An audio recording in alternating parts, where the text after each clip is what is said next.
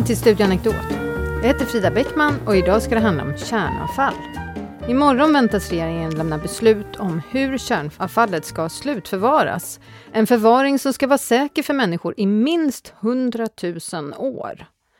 Men hur ska vi varna framtida generationer för det här avfallet? Kan vi ens kommunicera med generationer så långt fram i tiden?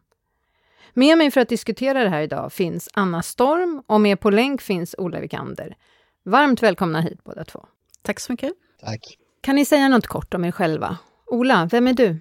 Jag är exeget som det heter, vilket är ett ord för eh, en person som vetenskapligt och historiskt tolkar och studerar de texter vi idag har bevarade till exempel i Bibeln och i omkringliggande antika kulturer. Och jag har där ett språkhistoriskt och religionshistoriskt anslag. Så språk och religionshistoriker kan vi säga. Jag jobbar vid Lunds universitet, men det här året är jag eh, utlandsstationerad i Cambridge. Och Anna, vem är du? Ja, jag är eh, professor i teknik och social förändring vid institutionen för tema vid Linköpings universitet. Och har en bakgrund inom eh, teknikhistoria och har eh, under lång tid ägnat mig åt industrihistoria kan man säga, och industriellt kulturarv. Ganska mycket kring kärnkraftsindustrin men även kring eh, andra industrigrenar som järn och stål och, och gruvnäringen. Imorgon, den 27 januari, kommer regeringen att fatta beslut om slutförvaring av använt kärnbränsle. Det här är ju en fråga som har funnits mycket länge och kommer finnas under bokstavligen oöverskådlig framtid. Anna, kan inte du förklara lite vad det här handlar om? Ja, det handlar om det mest radioaktiva och det därmed allra farligaste avfallet från vår kärnkraftsproduktion eh, som eh, behöver förvaras åtskilt från människor och miljö i, eh, under väldigt lång tid framöver. Eh, så det är det här använda bränslet som är den riktigt stora och svåra frågan för, för alla kärnkraftsproducerande länder, inklusive Sverige. Det illustreras av att det idag inte finns ett enda sånt slutförvar i drift någonstans i hela världen. I Finland håller de på att bygga ett, eh, Onkalo heter det, eh, men efter Finland så står Sverige näst i tur. Och det beslutet handlar om är helt enkelt att, eh, som vi förväntar oss då, att, att regeringen kommer att ge grönt ljus till SKB, alltså Svensk Kärnbränslehantering AB, att börja bygga ett underjordiskt slutförvar. Anna, vad är det som skiljer just slutförvar mot de nuvarande förvaren? Ja, i, idag så förvaras det använda bränslet först i vattenfyllda bassänger vid respektive kärnkraftverk. Och där ligger det i ungefär ett år för att svalna lite grann. Och därefter transporteras det med ett specialbyggt fartyg till ett eh, mellanlager som kallas för CLAB, som ligger i anslutning till Oskarshamns kärnkraftverk. I det här mellanförvaret, CLAB, så ligger bränslet i, också i vattenfyllda bassänger, medan det i slutförvaret, eh, det här som ska beslutas om imorgon, då, är tänkt att eh, bränslet ska kapslas in i koppar och bentonitlera och till sist placeras ungefär 500 meter ner i berget. Ehm, själva inkapslingen ska ske, eh, är tänkt att ske enligt förslaget då i anslutning till mellanförvaret i Oskarshamn, medan eh, det underjordiska slutförvaret är tänkt att byggas eh, i anslutning till anläggningarna i Forsmark. Hur kommer det sig att Sverige är då, jämte Finland, först i världen med att utveckla ett sånt här slutförvar? Det finns olika svar på den frågan. Ett tror jag handlar om att eh, vi generellt har en hög tillit till våra myndigheter och, eh, och statliga företag. Eh, ett annat handlar om att eh, SKB tidigt genomförde eh, väldigt aktiva dialoger med kommuner och lokalsamhällen eh, kring att försöka skapa acceptans för att Eh, vara värd för ett slutförvar. Eh, och eh, en tredje sak handlar om den så kallade villkorslagen som kom redan i slutet på 70-talet eh, och som eh, hängde ihop med kärnkraftsmotståndet vid den tiden. Där det slogs fast att inga nya reaktorer fick startas förrän man kunde visa att det fanns en helt säker metod att ta hand om det utbrända kärnbränslet. Det har varit väldigt eh, omdiskuterat och kontroversiellt med slutförvar och kärnkraft överhuvudtaget för den delen. Men vad har de där diskussionerna handlat om och varifrån kommer kritiken framför allt? Vad är problemen? Ett grundläggande moraliskt problem är förstås att det är vi i vår tid, i vår del av världen, som har producerat den här elektriciteten med kärnkraft, eh, som vi har använt och haft nytta och glädje av, medan avfallet kommer att utgöra en risk för framtida generationer av människor och andra levande organismer under enormt lång tid, precis som du sa. Sannolikt så länge mänskligheten existerar.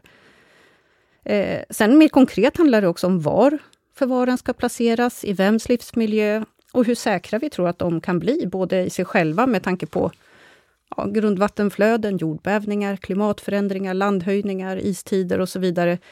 Men även med tanke på avsiktliga och oavsiktliga intrång.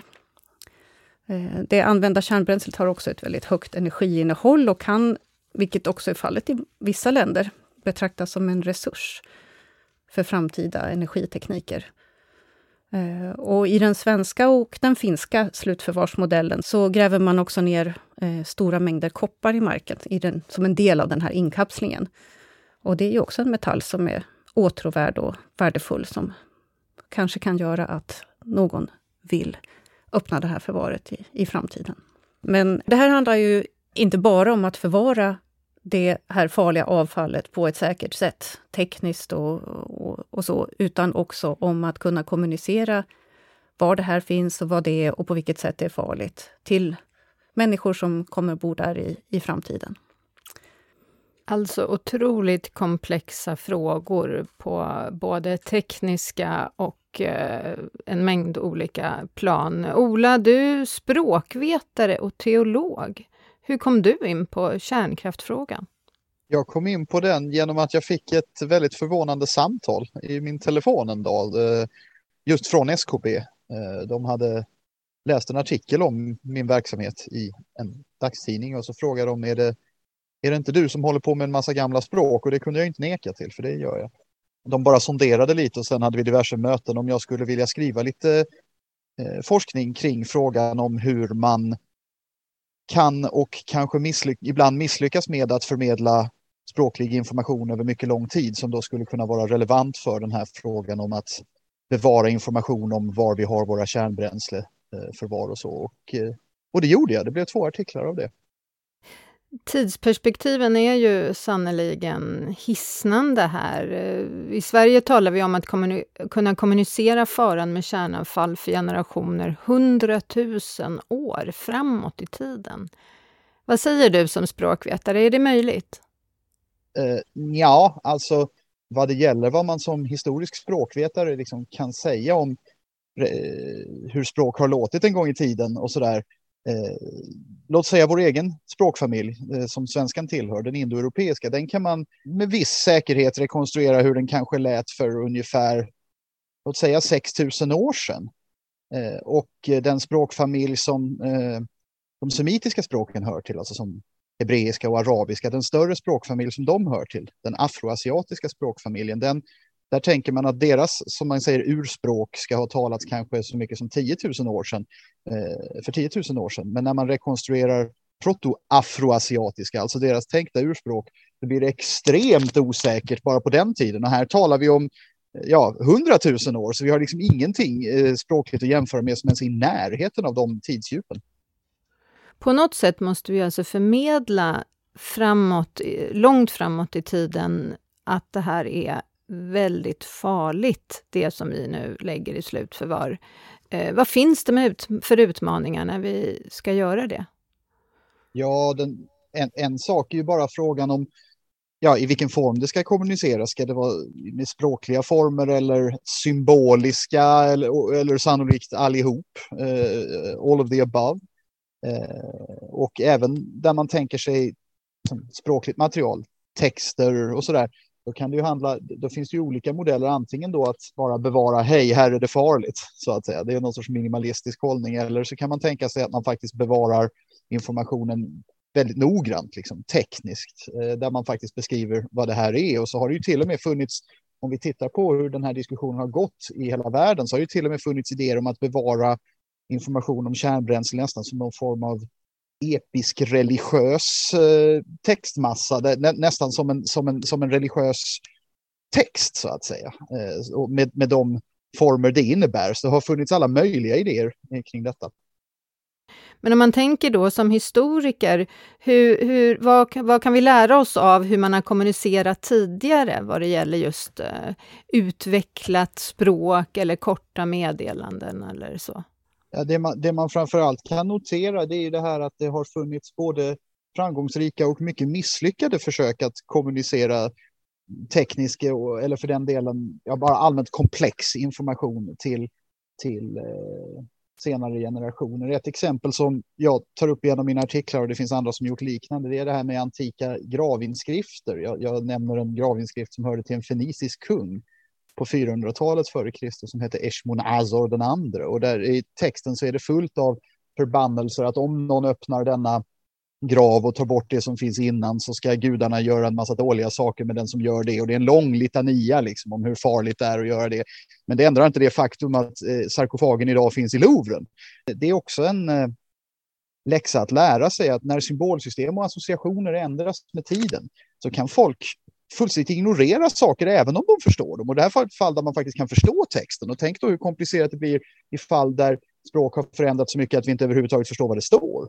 Så, så, så det man får ur ett historiskt perspektiv är snarare någon form av ehm, ödmjukhet kring hur extremt komplicerade de här sakerna är. En, en, annan sak jag diskuterar i en av artiklarna är, är just det här med antika tekniska prylar som vi inte i modern forskning riktigt vetat att de fanns, helt enkelt just därför att förmedlingen avbröts. Och, och då så är det bara liksom arkeologiska data och så där som kan hjälpa oss. Så, så man, man, man, får en viss ödmjukhet. Så vad du säger är att det handlar inte bara om att förstå eh, rent lingvistiskt själva, själva orden, utan även vad man tror att kanske att det har betytt eh, tidigare? Ja, något sånt. Alltså det, det är både det rent lingvistiska, där, där, där det här faktiskt är ett sånt fall som visar att den historiska språkvetenskapen, alltså den som ägnar sig åt att rekonstruera tidigare språkstadier och hur de kan ha låtit, den är faktiskt ibland direkt livsviktig och inte eh, för att hålla text förståelig under lång tid. Men också, precis som du säger, kulturmönster, värderingskopplingar eh, och sådär. Jag menar, man kan tänka sig ett extremt avancerat framtida samhälle där man utgår från att kärnkraft och sånt där, det var, det var inte sånt som vi primitiva människor kunde förstå. Så att det var bara superstition för oss. Liksom. Eh, jämför med hur folk har just då behandlat gamla gravinskrifter på just det sättet. Men man kan också tänka sig ett, naturligtvis ett samhälle som helt enkelt själva inte fattar vad det här handlar om och bara ser det som, som, som nämndes tidigare. Åh, en trevlig samling koppar. Så att liksom, man måste på något, gissar jag ändå ta höjd för alla de här möjligheterna och just hur bundna vi är till vår historisk kontext. En sak som det du säger får mig att tänka på, det är ju också det här, den lite speciella premissen med radioaktivitet som eh, en, eh, någonting som är farligt för levande organismer, eh, men som vi inte kan eh, uppfatta med våra sinnen.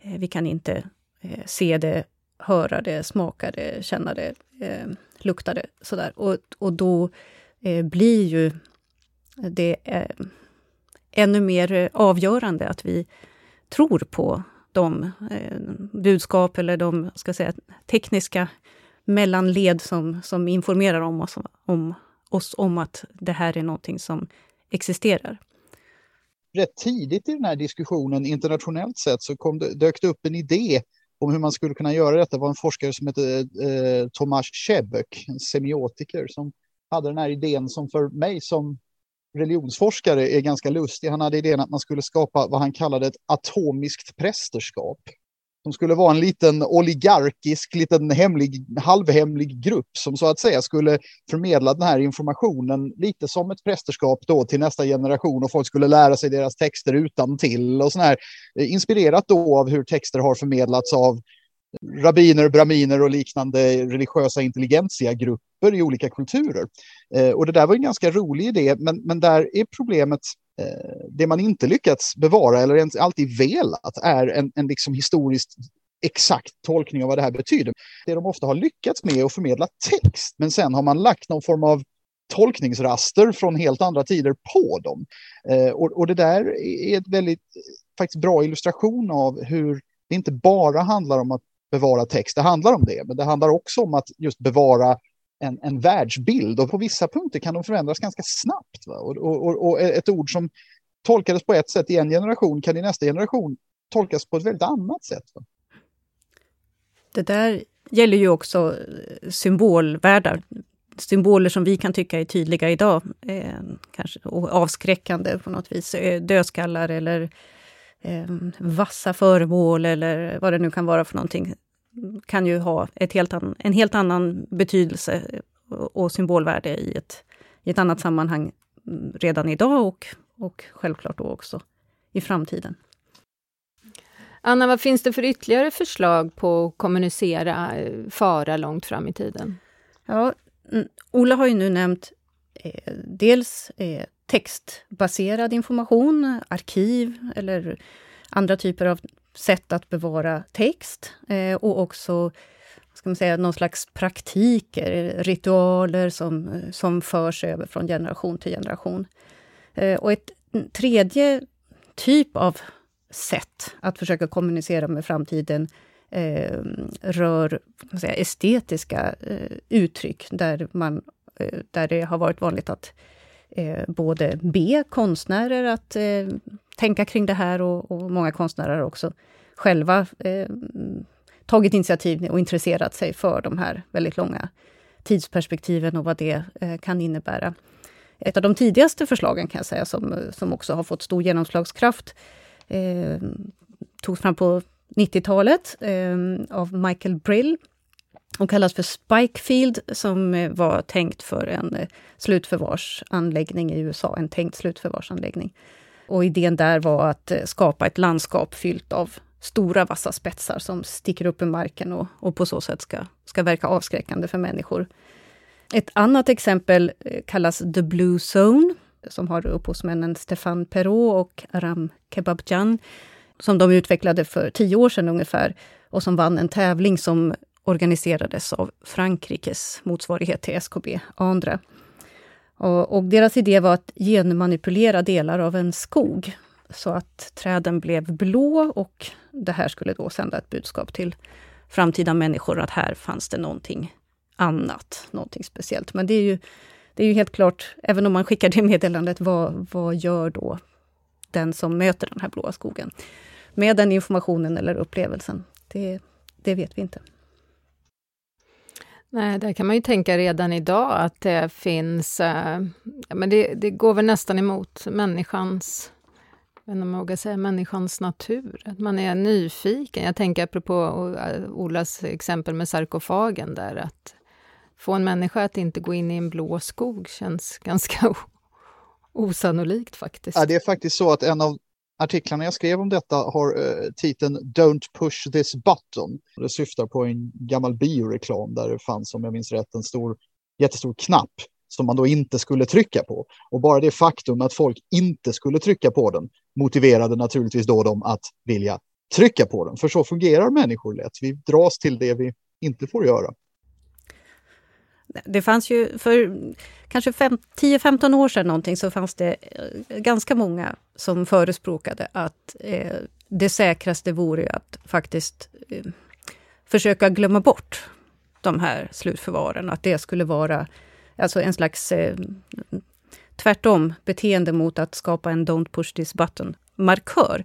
Utan att eh, det här skulle byggas, eh, förslutas och sen eh, så att säga eh, sjunka i glömskan och att, att det skulle göra att de eh, blev så säkra som möjligt. Men eh, idag är det mig veterligen ingen som riktigt eh, driver den hållningen, utan man ser att trots att det finns den här problematiken kring att eh, varningar blir attraktiva, så att säga, så bedömer man ändå att kommande generationer ska kunna få information och kunna fatta sina beslut, att det eh, är viktigare och är bättre.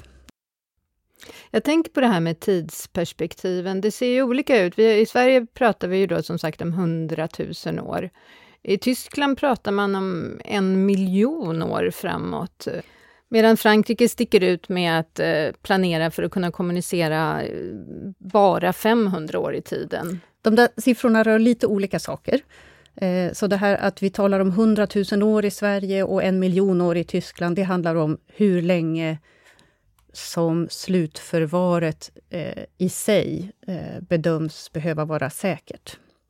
Och då menar jag liksom en slags teknisk integritet, att det inte ska läcka eller så, och båda dessa siffror är förstås helt oöverblickbara och nästintill omöjliga att ta till sig. Och ur mitt perspektiv så säger de mest att det här behöver vi tänka, här behöver vi tänka för alltid, att det här är ett farligt avfall som vi måste leva med för alltid.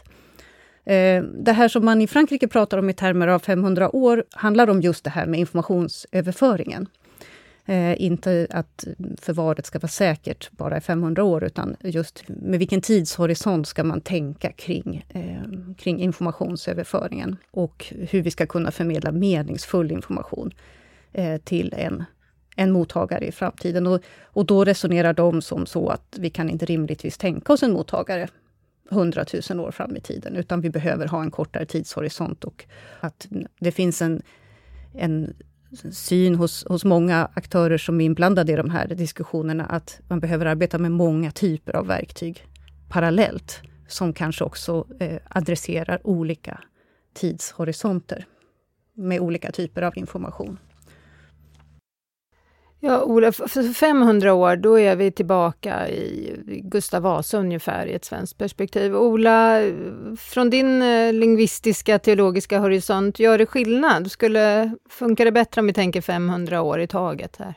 Ja, alltså man kan ju säga att den rent språkliga förändringen Eh, av olika nu talade språk skulle ju vara väldigt mycket mindre om 500 år sannolikt än om 100 000 år.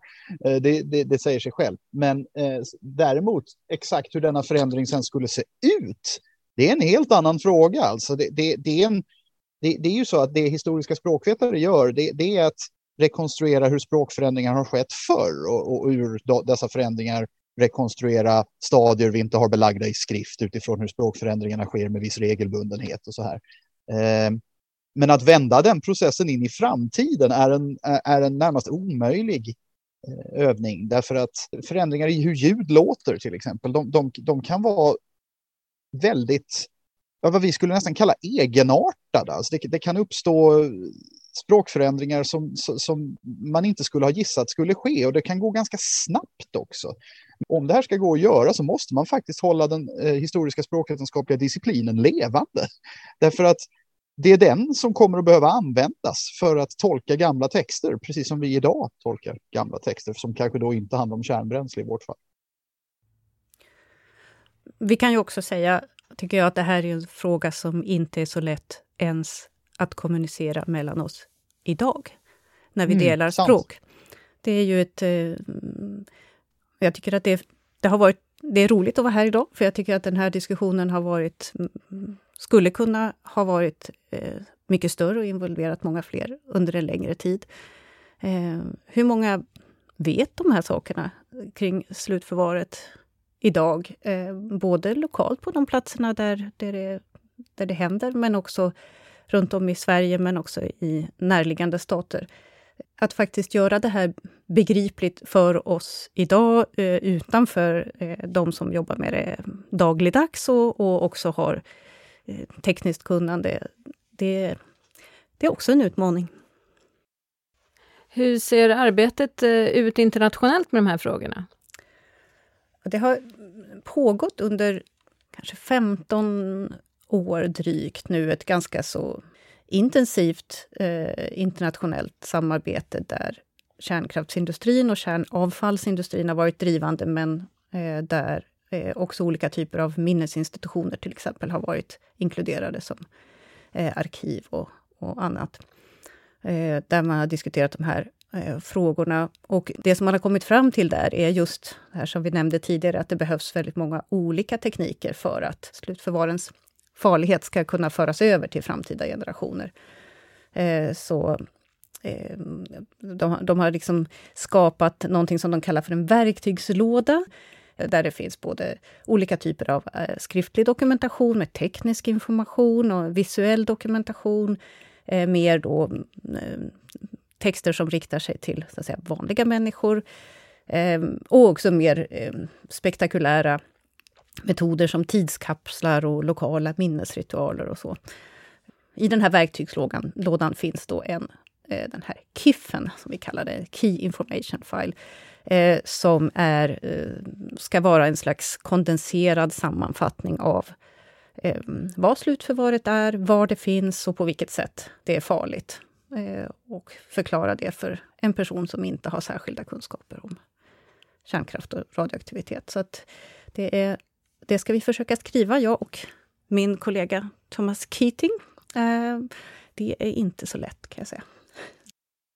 Ja, vi har ju talat lite grann här om olika sätt att kommunicera framåt. Vi tänker lingvistiskt, kulturellt, visuellt och, och sådär. Hur ser det ut med våra förutsättningar idag för att kommunicera över tid? Vi har ju gått från tryckpress eh, till digitala teknologier. Eh, vad skapar det för, för förutsättningar för eh, vår förståelse och kommunikation? Ola? Ja, alltså man kan ju notera det faktum att om vi tittar tillbaka på antika civilisationer så det det skriftmaterial som så att säga genererat bäst bevarande på många sätt, det är ju lera. Det är kilskrift på lertavlor därför att lera är väldigt, det bevaras väldigt väl i, i arkeologiska lager och så, medan sådant som papyrus och, och skriva på hud, hud och sådär, det, det, det vittrar ju. Eh, vilket gör, skapar den här lite lustiga situationen att vi har de gamla kilskriftskulturerna i säg, eh, Mesopotamien till exempel. Så, så har vi där enorma mängder av brukstexter bevarade. Bilder rakt in i människors liv helt enkelt därför att de skrev på ett material som var så fysiskt motståndskraftigt som, som, som bränd eller torkad lera. Det sätter ju alltså vårt samhälles sätt att bevara information i allmänhet i ett lite annorlunda ljus. Därför att både att skriva på sig papper och att bevara saker digitalt det skapar eh, bevaringsformer som, är, som väldigt lätt kan förstöras. Eh, det, det, är rätt fantastiskt. Det finns bevarat en text av den eh, sumeriska härskaren Shulgi eh, för mer än 4000 år sedan där han håller på och hyllar sig själv om hur hans ord ska höras i all framtid och sådär. Och han fick ju rätt i det därför att det skrevs på ett så beständigt material. Nämligen. Anna, hur ser det ut i de här arkiven man jobbar med eh, i de här internationella projekten? Jobbar man med, med lera? Eh, det finns faktiskt eh, projekt som utforskar möjligheterna att använda lertavlor för att märka ut platser för slutförvar för använt kärnbränsle över hela världen och att eh, både placera eh, en samling av de här lertavlorna eh, i en grotta eh, i Österrike, tror jag det är, och också dela ut eh, små leramuletter i stor mängd för att skapa en slags redundans om den här informationen. Så att de här små amuletterna ska peka på den här gruvan, eller vad heter det, grottan, eh, där information om eh, slutförvarens lokalisering eh, finns. Frågan om redundans, alltså överflöd, det är ju viktigt har jag förstått just om man vill eh, säkra kommunikation över lång tid. Ola, kan du säga något om det? Ja, alltså det finns flera perspektiv på det där. Alltså, det är väldigt, väldigt, väldigt svårt att säga om vilka språk som kommer att vara dominanta om 50 år, 500 år och vi ska inte tala om 100 000 år. Helt enkelt därför att vilka språk som är dominanta i en viss period har att göra med politiska händelser. Eh, det är det politiska och ekonomiska saker och krig och sånt där. Det är det som avgör vilka språk som kommer att dominera en viss tid. Så där är det bra att liksom sprida riskerna och använda många språk tror jag. Men också vad det gäller just eh, val av ordförråd. Mitt, eh, mitt favoritexempel där är etruskiska där, där, där vi rätt väl känner till terminologin, den antika terminologin för gravar. Därför att det är gravtexter vi framförallt har bevarat på etruskiska. Så vi vet gott om ord för gravar och sarkofager. Men vi skulle veta väldigt mycket mindre om vissa andra delmängder av det språket. Och detsamma kan ju gälla framtiden. Man kan tänka sig en framtid där svenskan framförallt är bevarad i skyltar där det står Enskede 3. Eh, och därför kan det vara viktigt tror jag att sprida riskerna och använda sig av olika typer av stil och så här eh, som, som hör hemma i olika sociala situationer för att så att säga sprida riskerna. Anna, vet du om man, hur man jobbar? Det blir väldigt mycket material, speciellt om allt ska ner på lera. Men om man tänker just att det ska vara olika språk, olika typer av, ja, olika dimensioner av språk. Vet du någonting om hur man jobbar med det? Just i lertavleprojektet eh, så tror jag att det främst handlar om, eh, om jag förstått rätt, kartor och att märka ut platser och att de här platserna så att säga ska peka på varandra så att man ska förstå att här finns det ett system av platser och vet man då mer om en plats så kan man förstå att här kanske då kan man eventuellt förstå att här finns det andra platser av liknande karaktär. Jag kan ju tycka nu när vi funderar kring det här med en Key Information File, att vi ser ju redan en, en språkförändring och, eh, och därför så försöker vi eh, tänka att de här sätten att föra över information behöver inkludera fler generationer också i varje samtid, om möjligt. Men hur ska vi då enligt er åstadkomma de allra bästa möjliga förutsättningarna för att bevara säkerheten så långt fram i tiden eh, som möjligt? Vad säger Ola? Ja, jag skulle som sagt säga text på många språk, redundans i valet av uttryckssätt och hålla de eh, språkvetenskapliga traditionerna levande så att man kan analysera detta ändå. Det, det, det, är en, det är ett fall där den historiska språkvetenskapen är livsviktig och eh, ja, det är något vi kan lära oss av detta. Så, som även språkvetare kan lära sig av detta, tror jag faktiskt.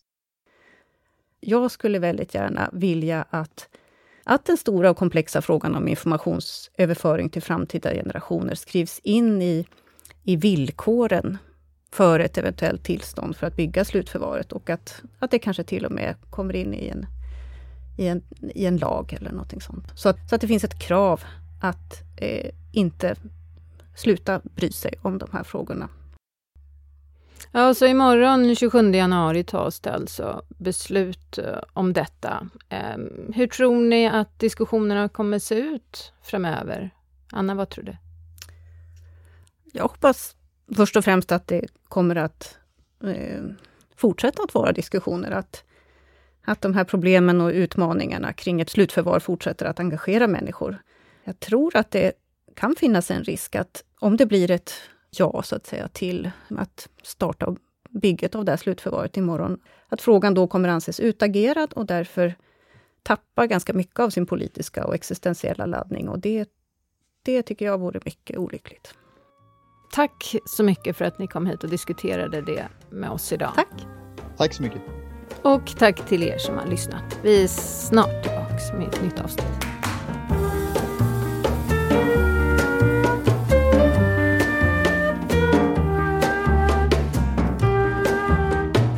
Du har lyssnat på Studio Anekdot. Samtalsledare var Frida Bäckman, redaktör Anna Frykholm och producent Magnus Bremmer. Mer information om podden och gästerna hittar du på anekdot.se